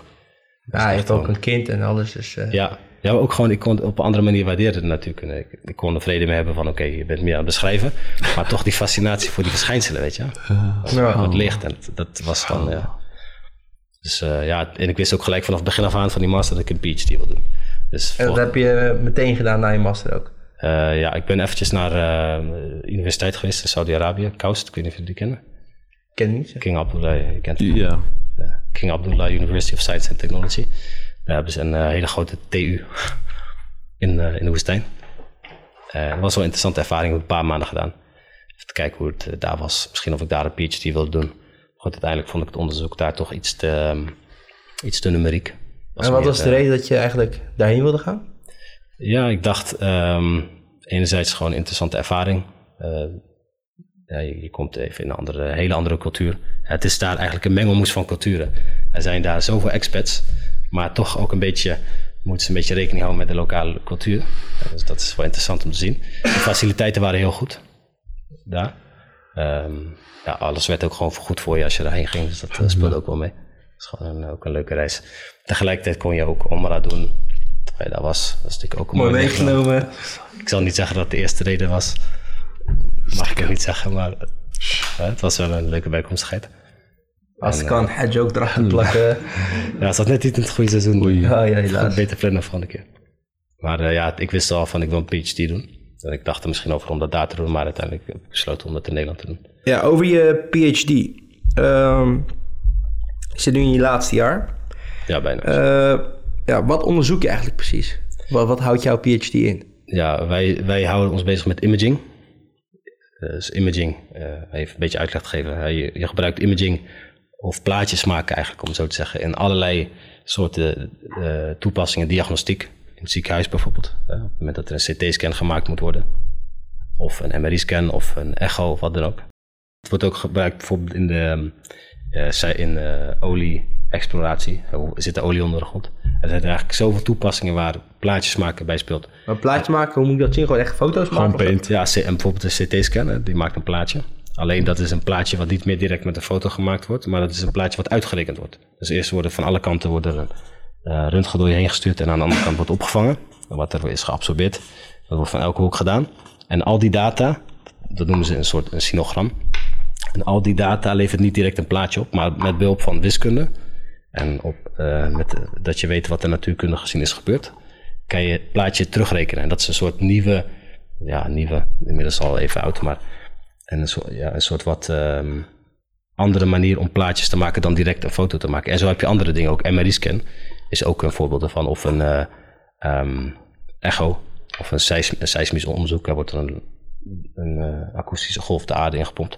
En wat wij doen is eigenlijk, het lijkt een beetje op CT, maar dan voor, eh, op kleine schaal voor biologische organismen. Dus bijvoorbeeld ehm, Vlieg je? ja, of zebravissen bijvoorbeeld zijn dingen die onderzocht worden door eh, biologen. Dat is eh goede modelsystemen voor ziekten. Dan kunnen ze makkelijk kweken, onderzoeken. En wij maken eigenlijk een, een ding of een apparaat om biologische systemen op een andere manier met een ander soort contrast te kunnen onderzoeken. Dus dat is een beetje het, eh, het idee. je maakt eigenlijk een nieuwe CT-scanner. Eigenlijk wel. Ja, eigenlijk wel. En het, eh, voor, voor kleine schaal dan, want die van ons wij gebruiken optisch of gewoon visueel licht eh, in het zichtbare spectrum. Dus niet x-rays of zo, gewoon rood licht, van laser en zo. Dus eh, je kan niet door mensen heen kijken, maar je kan wel door eh, kleine biologische objecten heen kijken. Bijvoorbeeld eh zebravisjes of cellen zijn vaak ook transparant. En wij zijn dus niet echt geïnteresseerd in de biologie, maar meer in de eh, nou, natuurkunde en de techniek. Dus eh, de biologie is wel super interessant. Dus op het moment dat ik met een bioloog spreek over de mogelijke toepassingen van ons onderzoek, dan ben ik wel echt helemaal flabbergasted van wat hij allemaal zegt over wat er gebeurt met die cellen in de hersenen en eh, dat ze zichzelf zeg maar, de dode cellen opruimen. En dat vind ik wel fascinerend. Ehm, maar goed, dat is, dat is niet waar ons onderzoek om draait. Wij zijn echt bezig met de, met de techniek. Ze hebben wel echt toegevoegde waarde is het ook voor de academische wereld. Ja, dat, kan je altijd afvragen natuurlijk. Hè? Van, eh, wat, wat gaat er uiteindelijk mee gebeuren? Ja, want dit een, eh, bestaat nog niet, neem ik aan. Ehm, het, het bestaat wel, alleen het wordt op een andere schaal toegepast. Eh, wij, bijvoorbeeld, eh, het wordt of op grote schaal toegepast eh, of op hele kleine schaal. Grote schaal bedoel ik mee eh, mensen of eh, dat soort dingen. Of op hele kleine schaal cellen. En er is eigenlijk nog een soort gat in het tussenregime. Bijvoorbeeld zebravisjes, noem maar wat. Dus daar is nog eigenlijk niks voor en daar zijn wij mee, eh, mee bezig. Maar ja, ja, er is een goede kans dat er niks gebeurt met je onderzoek. Dat kan hè. Ja, Dus, eh, natuurlijk. Dat ja. is de, Dus- realiteit. Ja, precies. Eigenlijk is het ook gewoon, ja, wetenschap is ook een soort, ehm, ja, eh, gewoon carrière, we- werk. En uiteindelijk, als promovendus, is het gewoon zo, ja, als je publicaties hebt, dan ben je blij. Als iemand daar nou nog iets mee gaat doen, dan is dat leuk. Maar zo niet, ja, als ik maar, als ik maar klaar ben met mijn publicatie. En de impact, ik geloof ook niet dat je impact kan maken, zo in een korte tijd. eh, impact maak je over eh, een carrière, lange Uiteraard. tijd. En wat wel interessant perspectief is op promotie, vind ik ook, is dat je eigenlijk opgeleid wordt tot wetenschapper. Als je klaar bent met je master, denk je nou ben ik wetenschapper. Maar eigenlijk is dat nog niet zo, want je promotie is eigenlijk een, ben je onderzoeker in opleiding nog eigenlijk. Je gaat onderzoek doen onder begeleiding vier jaar van een professor of zo. Dus als je het zo bekijkt, dan denk je ook, ja, wat is het doel van een promotie? Dat is niet per se om de wereld te veranderen, maar om goede onderzoekers af te leveren. Die daarna hopelijk Juist. wereld En, hoe wil je eigenlijk inzetten, eh, volgens mij wilde jij die vraag ook stellen, hoe wil je inzetten na je PhD? Want dan ben je wetenschapper, eh, je bent moslim, eh, je hebt bepaalde bagage. En, eh, want eh, je doet ook veel aan dawa. Hoe ga je, ben je ook van plan om jouw academische kennis in te zetten op een bepaalde manier waar de eh, mensheid echt wat aan heeft, zeg maar? Ja, op, eh, op een bepaalde manier, hè, wat we hebben besproken, zie ik het ook, eh, vind ik het interessant om die, om die boodschap ook over te brengen. Hè, van eh, beter begrip van wetenschap en ook religie. Zowel onder moslims als niet-moslims, als het gaat om wetenschap ook. En ik denk dat dat een eh, heel belangrijk inzicht is, een heel waardevol inzicht is. Dus eh, religie is niet irrationeel en wetenschap is rationeel per definitie. Eh, of in ieder geval, ehm, eh, geloof is niet irrationeel per definitie en ongeloof is niet rationeel per definitie als je wetenschap erbij houdt. Dat is een hele belangrijke boodschap. Eh, dus dat is één ding dat ik voor mezelf zie weggelegd. Een ander ding wat ik ook probeer te doen is gewoon ja, heel simpel eigenlijk vanuit mijn expertise mensen te helpen met, eh, met het halen van hun eh, examens. Als dat kan. Eh, bijles eh, doe ik ook wel eens. Ehm, Maar heb je dan niet... ja, het is heel mooi dat je het doet natuurlijk, maar... heb je dan niet zeg maar, het gevoel dat je een, een, een, een- Hoe zou ik dat zeggen? Een eh, raket-engineer haalt om de motorkap van de auto te repareren? Je wat ik bedoel? Is het niet, dan niet dat de kennis... eh, transitie die er eigenlijk moet gebeuren niet gebeurt. Ja, het, is- het- kijk, als het, als het zeg maar mijn eh, voornaamste bezigheid zou zijn, dan zou ik, zou ik je daar gelijk in geven. Alleen het is gewoon iets wat ik eigenlijk erbij doe. Ja, dus ik zie het meer als, ehm, als een mogelijkheid. Als je iemand helpt, dan zul je ook geholpen worden. Eh, Uiteraard. zo zie ik het meer. Ja. Dus erbij. Eh, tegelijkertijd ook eh, biedt het ook de mogelijkheid om die kennis die je opdoet met je promotie, in welk vakgebied dat ook is, ben ik van overtuigd, da- om dat over te dragen en om daarmee interesse te kweken voor wetenschap. We hebben- ik ben bijvoorbeeld van plan om een soort eh, eh, workshop op te zetten over eh, microscopie, omdat ik in imaging werk en microscopie is een soort van imaging. Microscopie is een vorm van imaging. Eh, en je hebt tegenwoordig op AliExpress heb je hele goedkope microscoopjes, elektronische digitale microscopen. Gewoon kun je voor 7 euro bestellen. Een microscoop voor 7 euro? Ja, digitale microscoop. Ja, eh, volgende keer als ik je zie. Ja, de laatste microscoop waar ik op heb gewerkt is zo'n grote witte op de middelbare school. Exact. En die, die, die mogelijkheden die, de, zeg maar, die, die, die er nu zijn, die wij niet hadden. Toen ik dat ding in mijn hand had, ik had het besteld op AliExpress. Dat was dus ja, met bezend kostte bij een tientje of zo, aangesloten op de computer. Het mooie van het ding is, hè, je kan hem eh, overal houden. Het is niet meer zo'n ding waar je iets onder moet leggen. Maar je Ja. kan hem gewoon, hè, je kan hem op je t-shirt zetten, je kan hem op je haar zetten. En je krijgt ineens toegang tot een wereld die je niet zo makkelijk kon zien. Hè, je, kan, je, je weet hoe je, dra- hoe je haar eruit ziet, maar op het moment dat je dat eh 500 keer vergroot ziet, dan ziet het er toch wel heel anders uit. Dan zie je niks. Eh, hoe die haar is afgesneden toen je hem knipt, of snap je? Dat, dat voor 7 euro. Precies, en dat, dat biedt wel een hele nieuwe eh, wereld. En ik, ik zou het, eh, ja, ik, ik denk dat het heel waardevol is om ook daar anderen mee kennis te laten maken op de basisschool. Dus mijn dochters eh, zitten op de basisschool. En eh, daar zie ik al dat ze bezig zijn ook vaak met, met het interesseren voor de kinderen voor wetenschap. Ze hebben vaak dingen als excellente scholen en eh, plusklassen voor kinderen die extra uitdaging willen. En ik denk dat, Programmeren ook. Precies, ja, precies. En ik denk dat dat een, wel een, een kans is. En natuurlijk heb ik ook de ambitie om eh, de wereld te veranderen met een uitvinding. Maar ik weet, Inshallah. inshallah. Maar ik weet in de praktijk hoe, eh, hoe, hoe lastig het is. Maar ja, je weet maar nooit. Ja, maar zo- ik vind het heel mooi dat je zegt dat vooral... eh, het gaat niet eens om de inhoud van je kennis die je wilt overdragen. Want ja, aan wie ga jij kunnen uitleggen wat je... Kijk, je hebt nu heel simplistisch uitgelegd wat je met je PhD doet. Maar dat, daar heb je iemand nodig die op jouw niveau zit met die kennis wat kunnen uitleggen. Maar dat je wel de vorm van die kennis, dus hoe je dient te denken, een raamwerk, dat, dat is ook namelijk kennis. Exact. Ja, En dat overdragen aan mensen, dat is heel belangrijk. ja zeker. Ja. Dat is wel heel, eh, Ja. heel nobel. En het geeft je ook de... Omdat je ergens heel erg in, aan het verdiepen bent... dan krijg je ook een soort waardering voor eh, algemeen... voor kennis, voor wetenschap. Ja, Je tuurlijk. ziet soms mensen die zeg maar niet één bepaald vakgebied eh, hebben, ja, me- zich hebben meester gemaakt. En die als gevolg ook niet kunnen begrijpen dat eh, sommige dingen waarover ze spreken hele vakgebieden zijn. Ja. Die heel simplistisch denken soms over bepaalde dingetjes. Eh, je ziet ook nu de discussie die je vaak terug ziet nu in de, over medicijnen, weet je wel, vaccinaties, dat soort dingen. Dat is soms hele simplistische dingen, terwijl het zijn hele wetenschapsgebieden op zich. Je kan niet zomaar conclusies trekken. Hè? Maar je, op het moment dat je erg één, één ding verdiept, dan krijg je ook waardering voor, denk ik, voor andere dingen, voor andere kennisgebieden. Zeker, Wat is jouw mening over eh, vaccinaties? Oh, een... Ja, als we toch een bruggetje gaan maken. Ja, kijk, eh, ik- kan. ehm, ik ben geen arts, dus ik kan, eh, ik kan wei- inhoudig, in- inhoudelijk weinig eh zinnigs daarover zeggen. Wat ik wel kan zeggen, is gewoon dat ik de arts vertrouw. Als de arts tegen mij zegt, joh, eh, vaccinatie is goed.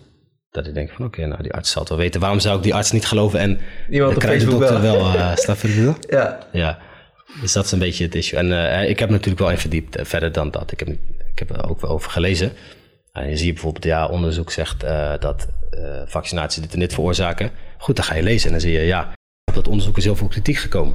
Snap je?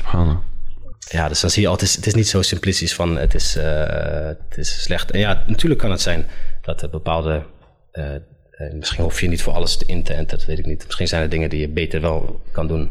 Misschien kan je eh, sommige dingetjes skippen, dat weet ik niet.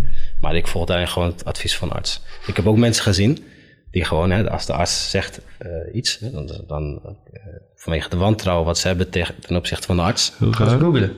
ja, Heel gaan ze raar. ook- of, of er is iemand in de omgeving die bekend staat als een soort eh eh goeroe op het gebied van eh, welzijn. Die zegt nee, je kan beter dit en dat eh, kruid nemen. Dan accepteren ze dat zonder te vragen. Heel raar. Op het moment dat de arts het zegt, ja, dan eh, weigeren ze dat eigenlijk. En dat vind ik ook wel heel, ja, aan de ene kant fascinerend. Aan de andere kant ook wel, ehm, ja, zorgelijk. Heel gek. Ja. Nou, ik vertrouw mijn arts en ik vertrouw Jos, dus ik weet wat ik moet doen.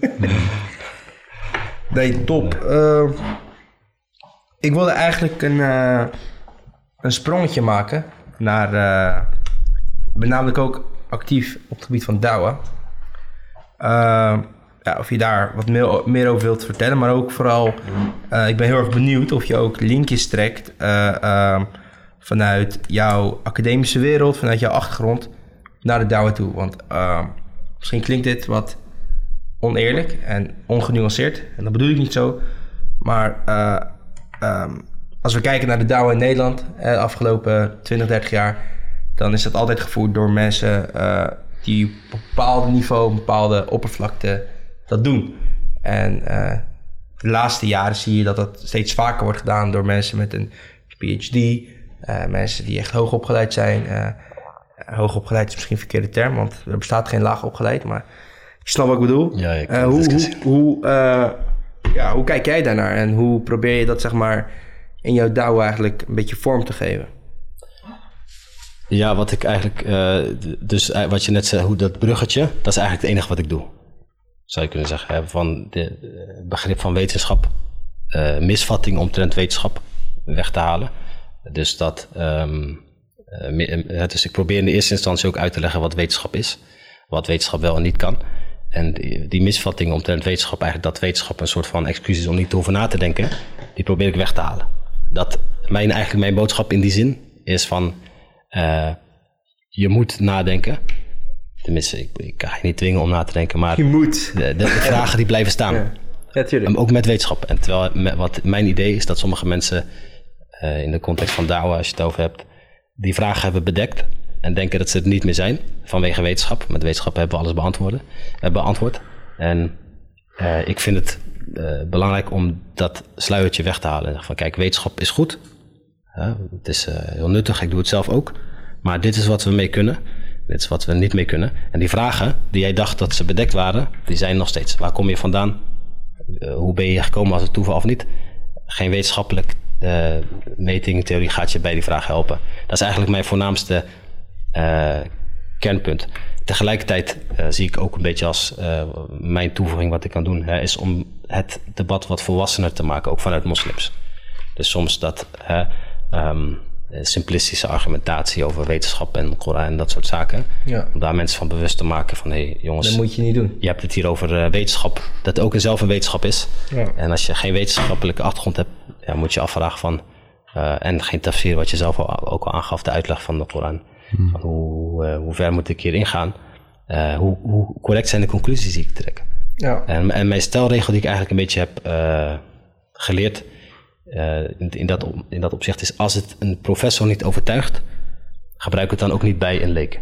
Ja, echt. En daarmee bedoel ik niet van uh, dat je met een professor op dezelfde manier praat als met een leek. Mm-hmm. Dat hun kennisniveaus gewoon verschillend zijn. Maar daarmee bedoel ik dat uh, de intellectuele integriteit heel belangrijk is. Het moet, als het bij een professor niet werkt, omdat hij jou een weerwoord geeft, een correct weerwoord, ja, dan moet je niet op het moment dat iemand Ja, geen weerwoord geven. Ja, ga je daar wel proberen, want die weet het toch niet. Je moet wel altijd integer blijven, intellectueel eh, gezien. En ik denk dat daar in de, in de DAWA ook nog wel een stap te maken is. En daar bedoel ik niet, eh, eh, ik heb het niet over de intenties, maar ik heb het puur over de methodiek. Ik denk dat dat. Geef je dan ook een, sorry, geef je dan ook gelijk een alternatief? Je zegt van oké, je moet nadenken en dit is dit en dit is en dat is dat. Maar zeg je dan ook van oké, lees nou de Koran, want dit is het wel. Zeg maar, geef geef ook een alternatief of ik, ik, ik probeer altijd wel die ayat, eh, in ieder geval een startpunt te geven inderdaad voor verder nadenken. Ja. Maar in ieder geval ook in de praatjes die ik geef met, eh, eh, aan moslims. Van, dat jij moet inderdaad wel met een alternatief komen. Ja. Maar som, voor sommige mensen is het denk ik moeilijk te accepteren dat, ja, dat, dat ze moeten nadenken. Sommige mensen die denken in termen van bewijs, van dit is heel makkelijk, tak, tak, tak, tak. En, maar het werkt niet bij iedereen zo, snap je? Eh, en sommige bewijzen zijn van zo'n aard dat het niet overtuigt eh, als je het niet al gelooft. Eh, sommige bewijzen zijn overtuigend als je al gelooft. Als je niet gelooft, dan Ja. Eh, dus dat nadenken, dat zelf nadenken, dat is altijd eh, heel belangrijk. En dat is ook een van de dingen die ik meeneem. Eh, Net als eh, het, het debat wat ja, toch wat volwassener te maken in die, eh, in die zin. Eh, ja, ja, het is ook zo natuurlijk met een, een eh, ja, PhD. Een van de dingen van de PhD die je eh, meekrijgt is een soort van, ja, hoe moet ik het zeggen? Ehm, ja, je, je krijgt een soort van bewijs dat je in staat bent op een wetenschappelijk niveau na te denken. Ja. En dat is ook eh, fijn, denk ik, als je dat niet, eh, zeker in deze context, als het gaat over deze discussies, dat je dat gewoon, ja, niet, niet telkens hoeft aan te tonen, zeg maar. Juist, Dus je begrijpt wat ik bedoel. juist. Je kan zeggen van, oké, dit is, wil je over wetenschap praten? Oké, nou, daar kunnen we over in gesprek gaan. Maar vaak zie je dat mensen niet, al niet eens eh, over wetenschap kunnen praten, zoals ze al En gebruiken eens weet wetenschap. wat het is eigenlijk. Precies. Daar, Spannend. daar is een, eh, daar is gewoon wel een gat. Dus dat is eigenlijk mijn, mijn focus eh, als ik met uh, DAWA bezig ben. Dus en dat betekent niet dat dat de enige, eh, het enige belangrijke is. Ik heb een tijdje terug had ik meegemaakt dat iemand eh, naar mij toe kwam. Ik was naar de moskee geweest en er was iemand uit de buurt waar ik toen woonde in Schiedam. Die kwam naar mij toe en die begon, eh, die maakte kenbaar dat hij geïnteresseerd was in de islam. En die begon zijn hele levensverhaal te vertellen. En heel emotioneel. Terwijl ik, was juist, ik ben juist gewend om meer op zeg maar, verstandelijke manier tegen dingen aan te kijken. Maar wat, alle, wat hij allemaal had meegemaakt en zo en zo. En ik vond het moeilijk. Wat moet ik met deze gast aan? Ja, ja, snap je? Ja, ik heb gewoon geluisterd. En dat zie ik voor mijzelf als een van mijn eh, dingen die ik wel moet, aan moet werken. Hè? Van, ja, je kan niet iedereen op verstandelijke basis benaderen. Sommigen bekeren gewoon echt met emotionele redenen. Ja, Gewoon, ja, of, of, ja of, of gewoon überhaupt communicatie, gesprek. Ik bedoel, Ja. als je met sommige mensen Alleen, alleen... echt dat juiste duwtje nodig. ja, als je met sommige mensen op alleen verstandelijke manier wilt praten, dan gaat het gewoon...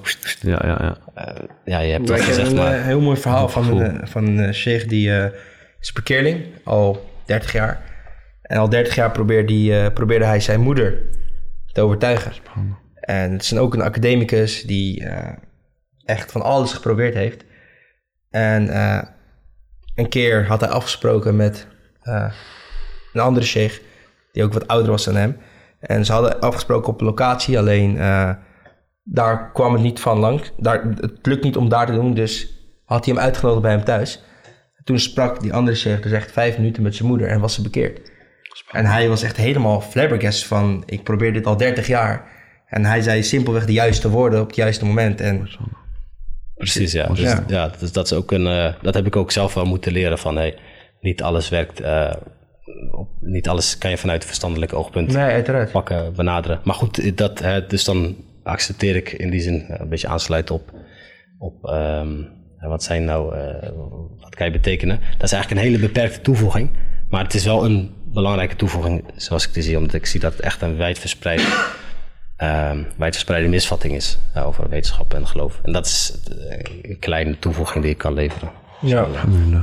het is wel een hele belangrijke toevoeging. Ja, eh, binnen een bepaalde niche, binnen een bepaalde context. Ja, ja, ja. ja ik had laatst een, eh, een discussie over ethiek en wetenschap. En eh, ethiek staat namelijk helemaal los van de wetenschap. En men probeert altijd eh, het meeste te bewijzen vanuit de wetenschap. Terwijl eh, heel veel dingen niet uit de wetenschap komen. En eh, een voorbeeld daarvan was dus ethiek. Hè, gedragsregels die we met elkaar hebben. Het feit dat ik nog een keer Zakaria als voorbeeld neem. Eh, het feit dat ik hem op zijn kaak ga slaan, is niet goed. Waarom? Ja, de wetenschap die zegt er niks over. Eh, de wet die zegt er wel wat over, maar waar komt die wet vandaan? Die komt uit ethiek. En waar komt die ethiek vandaan? Die komt uit bepaalde tradities. En dat accepteren we wel. Zonder ook maar na te denken eigenlijk waarom die tradities zo zijn. En als je dan eigenlijk zo kijkt naar waarom mensen die keuze maken, dan is dat eigenlijk ook heel inconsistent. Het is heel vaak gewoon puur op gevoel. Terwijl men dan denkt dat ze ratio gebruikt, terwijl dat heel vaak niet het geval is. Ja, dat was toen ook eh, is interessant dat je zegt, want toen ik moslim werd, eh, in, zelfs mijn eh, studiegenoten, natuurkundestudenten, die zeiden tegen mij, als jij er maar lekker bij voelt. Spannend. Dat, in mijn omgeving zijn er zo weinig mensen op één hand te tellen, die hebben gevraagd aan mij, waarom heb je dat gedaan? Niels? Ze dachten van, hij heeft het licht gezien, Ja, ja. hij, heeft een, eh, hij, eh, hij voelt zich er lekker bij, Ja, laat hem maar. Terwijl eigenlijk niemand heeft die vraag gesteld, Jos, is het waar wat je doet of niet? Je? Ja. Of heb, heb je daarover nagedacht of het waar is of niet? Die, vanuit dat oogpunt, eh, dat was van waaruit ik het bekeek. Van, is het waar of niet?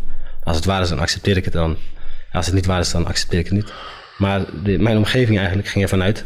En dat is ook een beetje dat, dat beeld in de samenleving over geloof. hè, Dat je zo'n keuze maakt op basis van gevoel. Terwijl, ja. als je op basis alle- van alleen gevoel een keuze maakt, ja, misschien voel je je lekker bij eh, boeddhisme, misschien voel je je lekker bij dat. Maar Dat is dat ook je, een momentopname. ja, dat maakt nog niet dat je Overtuigd dat iets waar is. Ja, ja, precies. Ja, wat nou als je ja, ene moment wel, ander moment niet lekker bij voelt. En er zit die aanname aan ten grondslag, denk ik, dat het uiteindelijk allemaal niet uitmaakt. Het- Wat je kiest als je maar lekker bij voelt. Ja, want dat is het enige wat eh, belangrijk is. Terwijl ja, dat, dat eh, vanuit eh, de islam in ieder geval, dat, is het waar of niet? Dat is de vraag. Ja. Van, wat is waar, wat is niet? inderdaad. Waarheidsgehalte. Dat is weer een hele andere... Maar wat was voor jou echt de trigger? Dat, eh, want uiteindelijk, je hebt gezegd, je hebt heel onderzoek gedaan voordat je bekeerde. Maar wat was eigenlijk de druppel waarvan je dacht, nou, dit, dit, moet, wel, eh, dit moet wel goed zitten? Ja, Ik, dat is, eh, is ook heel, eh, in, in bepaalde zin vrij lastig om te benoemen, omdat, ehm, of te beschrijven, omdat ja, vanuit, ook vanuit de, de islam is hidayah, of leiding, iets wat in jou eh, gege- wat gegeven ja, wordt. is niet iets wat je zeg maar zo kan vatten met dingen. En zo heb ik het zelf ook ervaren. No- ook al had ik onderzoek gedaan, maar wel tegelijkertijd ehm, eh, dat moment zeg maar dat, het- dat, dat het licht aanging, dat, dat moment heb ik wel ervaren. Nou, het zeggen, dat komt hierdoor, dat komt hierdoor. Maar wel een aantal punten, bijvoorbeeld toen ik de ehm, islam ging bestuderen als student, studententijd. Ja, toen, en ik ging de islam bestuderen, eigenlijk heel anders natuurlijk dan eh, eh, hoe men gewend is als student te leven. Toen zag ik die regels en de wetten eigenlijk eh, die de islam voorschrijft. En hoe meer ik me daarin ging verdiepen, was een van de dingen, hoe meer ik ging zien van hé, hey, dit, is, dit is niet zomaar door een mens gemaakt. Dit, hier zit de wijsheid achter die eh, heel diep gaat. Nou, eh, heel veel aspecten, dingen eigenlijk die we niet altijd gelijk begrijpen. Ehm, maar dingen die je wel, ehm, als je het toepast, dan zie je de voordelen ervan. Bijvoorbeeld in eh, naar vrouwen kijken. De islam zegt, sla je ogen neer. Nou, als je dat toepast, dan zie je, subhanallah, dit is, dit is eigenlijk een oplossing voor heel veel problemen. Weet je? Terwijl ja, dat, dat, Wereldoplossing. Terwijl dit, dit, dit zijn ehm, zaken waar je niet zomaar opkomt. Ja. Maar goed, als je het is- islam bestudeert, die ervaring had ik in ieder geval. Dat, dat systeem, ziet al die wetten die op elkaar aansluiten. Een ander ding wat ik ook vond is de, de eenvoud van de theologie. Eh, op het moment dat je de islam bestudeert, dan zie je Tawhid. Er is één God. Er zijn profeten. Eh, profeten zijn allemaal door dezelfde God gestuurd. Maar die profeten zijn niet zelf God of goddelijk. Gewoon mensen. En die eenvoud, hè, dat concept. Waar als kind bijvoorbeeld had ik... ehm, eh, ik ben niet religieus opgevoed, maar als kind bad ik wel eens. En ik weet zelfs op een eh, avond... eh, ik heb een tweelingbroer, hij sliep in, de, in dezelfde kamer als ik. Hij vroeg aan mij, wat ben je aan het doen, Jos? Ik was in sujud. Ik was geen moslim, ik was niet religieus opgevoed. Maar ik had een probleem. Fitra. Ja, fitra. Natuurlijk, aardig. Ik had een probleem. Ik, ja, Toen al problemen. ja, toen gewoon kaarten kwijt. Oh no. exact.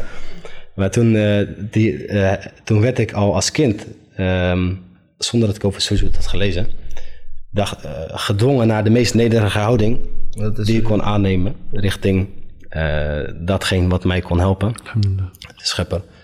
Eh, en dat is dus die, die fitra, zeg maar. En dat concept van eh, die eenvoud die ik als kind ervaarde, van ik hoef niet aan eh, eh, iemand anders te vragen of aan een persoon, van er is maar één God, geen drie-eenheid bijvoorbeeld. Dat, dat zag ik terug in de islam. Gewoon dat universele, dat universeel acceptabele, alle profeten geaccepteerd worden, niet eentje wel, eentje niet. Dat, dat universele karakter. Ik had ook als middelbare scholier een keer een essay geschreven voor Nederlands, dat heette Universeel Geloof. Eh, en ik was toen ook geen moslim, maar dat, geloof, dat, dat essay ging over een universeel geloof eigenlijk. Daar pleitte ik voor in dat eh, essay. En dat universele, dat, dat zag ik ook terug in de islam. Spannend. Die eenvoud van de theologie. Ja. Eh, de, en de, het andere aspect, hè, wat ik zei, dat rationele. Dat, eh, wat ik een interessant voorbeeld vind, bijvoorbeeld was... ehm, als ik aan jullie vraag van hè, leven na de dood. Kan je daar op een rationele manier over nadenken? Ja, door. Het zijn dan niet mijn woorden, maar dan. Ik weet bijvoorbeeld dat klassieke geleerden het hebben vergeleken met. eh, dit leven is hetzelfde als het leven in de baarmoeder. En als je in de baarmoeder zit, dan kan je moeilijk voorstellen wat er daarna gebeurt. Maar op het moment dat je daarna in dat leven erna leeft, dus in dit leven, en je kijkt terug naar de baarmoeder, dan weet je daar niks meer van. Je weet dat het er was, maar je weet er verder niks van. En dat is de vergelijking die ik doortrek naar het leven na de dood. Ik kan me nu niet voorstellen hoe dat zal zijn, maar ik denk dat ik op dat moment dan niet meer zou kunnen terugkijken naar dit, iets als iets vaags wat geweest is. En dat vind ik een interessant eh, oogpunt. Eh, wat ik zelf, ehm, eh, hoe, hoe ik het haal uit de Koran, een andere invalshoek, misschien vergelijkbaar, is eh, ehm, in, in de Koran wordt gesproken over mensen die vragen van wie geeft dit leven na de dood? Ja, wie gaat er een leven geven na de dood? Eh, قال ومن يحيي العظام وهي رميم uit mijn hoofd. Surah Yasin volgens mij. قل يحييها الذي أنشأها أول مرة. Eh, wie geeft het leven aan deze botten? Ik weet even niet de precieze vertaling. Zeg, ehm degene die de eerste keer het leven heeft degene die de gegeven. eerste keer leven heeft gegeven. Zo simpel. Dus het eh, eh, leven na de dood is al eh, een. eh accepteer al. Want als ik aan jou vraag, waar was je 40 jaar geleden? Ja, ik was er niet. Het materiaal waaruit je gemaakt bent, bestaat wel. Was er wel. Eh, De, de, ce- de, niet de cellen, de, de Ja, ja, stoffen, de moleculen. Het is al een keer eerder Het was er al, maar je was dood. Alle materiaal bij elkaar was, wa- wa- eh, ja, of het was verpakt in iets anders. Maar nu ben jij levend. Hè? Dus je bent van eh, dood, zeg maar, naar, naar levend gegaan. En dat is al een keer gebeurd. En de Koran zegt dat, subhanallah. Die zegt van, datgene waar jij naar vraagt, van eh, leven na de dood, is al een keer gebeurd. Je was al een keer dood. En nu ben je levend. Eh, So what's the big deal? En dat vond ik een hele interessante manier in de Koran om dat te lezen. Van, eh, zo had ik er zelf nooit over nagedacht. Van leven na de dood. Ik ben een voorbeeld van leven na de dood. Ik was ooit dood. Ik ben eh, een gevolg van leven na de dood. Ja. Wat is het probleem met leven na de dood? En de Koran zegt datgene wat is gebeurd, gaat gewoon nog een keertje gebeuren. Precies. Ja, en dat is een hele, eh, zeg maar die rationele invalshoek. Ja. Die ik heel fascinerend vond in de, in de Koran. Voor mij ook belangrijk was vanuit mijn achtergrond. Ja, ik moest net ook denken aan, eh, toen je het had over ideeën. Je hebt vaak mensen die eh, de discussie aankaarten tussen eh, oh, vrije wil en determinisme. Hè? Hebben we een vrije wil of is alles voorgeschreven? En hoe zit dat nou? En je moet dan denken aan het vers...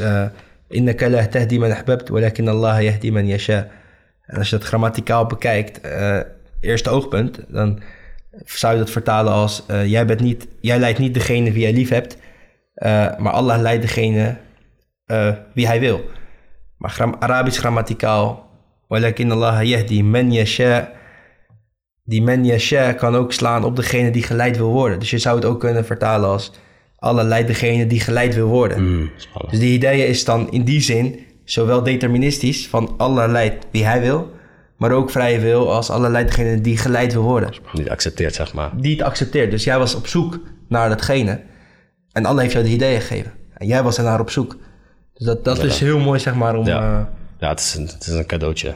ja, Mashallah. dat is, wel- ik denk dat, dat, wij dat allemaal eh, veel te weinig beseffen. Dat we die nermen hebben, dat we tot de omma van de Mohammed sallallahu Ja, wij allemaal, subhanallah. Ja. Allah, eh, Mooi man. Heb jij nog eh, mooie toevoegingen? Toevoegingen niet. Ik, ben hier, ik, ik zit hier als een leerling, mashallah. Ik voel ik, ik leer dingen. Alhamdulillah. Ja, Alhamdulillah. afgestudeerd, achie. Alhamdulillah. Engi- onze engineer. Nee, alhamdulillah. MSc. Jij Ik- ik- ook ik op heb, de eh, wat zei? TU? Eh, in, in Twente. In Twente. In Twente. Een soort andere, ver, andere vorm. Dat is de thema. andere kant van Nederland. Alhamdulillah. Ik ben er volgens mij nog nooit geweest. Je visit us. Alhamdulillah. Dat Twente. is mooi. Ik heb hem wel een eh, tijdje lang heb ik een beetje dawa gedaan bij Zakaria om een PhD te gaan doen. Maar eh, later ben ik ook wel vanaf gestapt. Toen dacht ik Werkte van, niet. Nee. Hij, hij hield rekening met mijn gevoelens. Mashallah. Hij is zijn leiderschapskwaliteit. Ik wil geen PhD gaan doen. Nee, We hebben een hele mooie sessie gehad over kennisoverdracht en PhD. Nee, ja, ja. Maar je zegt gewoon nee. Nee, klopt. Zeg maar, iedereen zijn ding. Alhamdulillah. Ja, nee. alhamdulillah. dat is ook top. wel het punt, Maar het eh, is zeker een PhD. eh, ja, oké, het, het heeft meerwaarde natuurlijk. Eh, maar voor mij is het. eh, Ja. ik wil andere dingen. Ik wil andere dingen. Ik wil gaan werken. Ja, Echt gaan werken. echt. Ja, PhD is ook werken natuurlijk. Ja, uiteraard. Nog harder voor de werken. universiteit, ja. Harder werken en de, de beloning is minder misschien qua geld. Maar eh, ja, gewoon werken. Inshallah. Mashallah. Maar ik ben ook wel de waarde daarvan gaan inzien. Ik dacht van ja, je moet ook maar net eh, willen en eh, moet, moet je ook maar net liggen. Ja. En wat, waarom is... ehm, ik kom namelijk uit een hele andere hoek. Hè. Ik kom uit de, de artificial intelligence wereld, de big data wereld. Daar zie je dat veel mensen een eh PDN doen. Dus dat is eigenlijk PhD, maar dan twee jaar en dan praktisch. Dus je gaat gewoon in de praktijk bij bedrijven, wat dan ook, onderzoek doen. Wat meteen echt toegevoegd waarde voor het bedrijf en dus voor de wereld is. Is dat niet ook zo in jullie wereld eigenlijk? Dus in de engineering wereld? Dat je, want het is PDN, hè, engineering.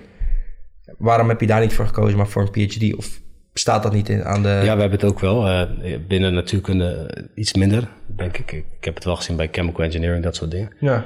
Binnen ons vakgebied wat minder, maar het is er wel, denk ik. Ehm, ja, het is, het is eigenlijk een hele subjectieve... Ik, ik dacht van ja, ik wil of dit of dat. Ik wil of helemaal de diepte ingaan. Of niet. Of gewoon Ja. mijn bedrijf. En, Ja.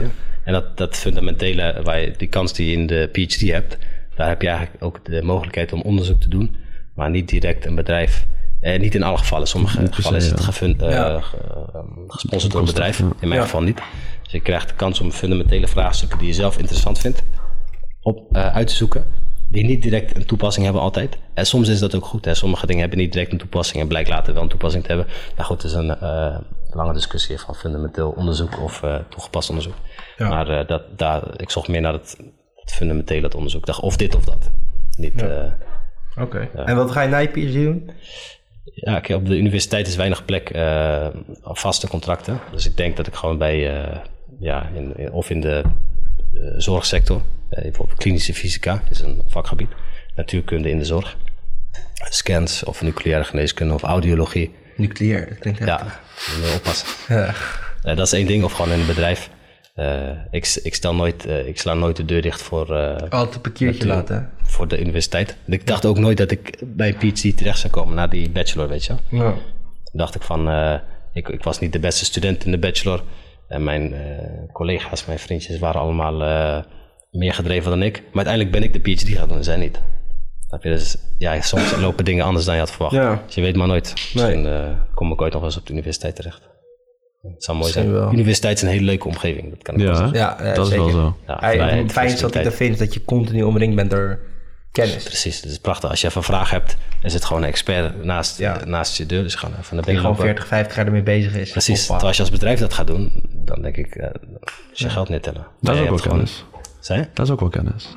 Waar? In bedrijven. Nee, maar ik bedoel, als je als bedrijf eh, professor Oh, ja, sure. eh, consulteren, Ja, weet ja, je wel, ja, ja. dan is het, ja, waarom wil je dat weten? Ja, om geld te verdienen. Ja, ja. Dus kom maar. Maar als student heb je gewoon die neutrale blanco, onwe- dan ben je gewoon onwetende. Ja. Dan kan je gewoon, snap je? Alhoewel, je, zo, je betaalt de leraar wel eigenlijk met collegegeld. Dus hij, hij Ja, moet maar jou dat eigenlijk... is peanuts vergeleken met wat, eh, de, wat je voor terugkrijgt. Precies, ja. Je kunt, jij kunt ook gewoon eh, kiezen om professoren te stalken. Hè. Dus je kunt gewoon ja, Ja. om waar voor je geld te krijgen. Ja, snap je? Dat, is, dat, moet je doen. Maar moet je niet dezelfde moet je doen. geven. Moet je niet dezelfde pakken, want dan eh, gaat hij wel eventjes eh, eruit gooien op een gegeven moment. Ja, ik denk eh, dat we aan het einde gekomen zijn. Barakallahu fik om eh, barakallah. dat ben ik vond echt heel interessant. Ja, bedankt. Zak me nog Maar ook eh, om te zien hoe jullie vanuit jullie eh, denkwereld eigenlijk denken en handelen. Vooral ook om te zien hoe je dat eigenlijk eh, koppelt met de douwen. En ja, ik vind het echt heel mooi. Eh, ik hoop dat de luisteraars daar ook eh, heel veel aan hebben gehad. Ehm, en ik hoop zelf dat er echt veel meer mensen eh, een, PhD, zullen- een PhD zullen doen. En kijk, niet iedereen hoeft natuurlijk een PhD te doen. hè. I'm sorry, man. Het is wel iets nuttigs voor de umma. Eh, en ik denk dat dat het laatste is wat ik hierbij ga zeggen. Alhamdulillah. Barakallahu fikum. En Jazakallah uh, khair. inshallah tot de volgende Barakallah podcast. Assalamu alaikum wa rahmatullah. Waalaikumsalam. Assalamu alaikum.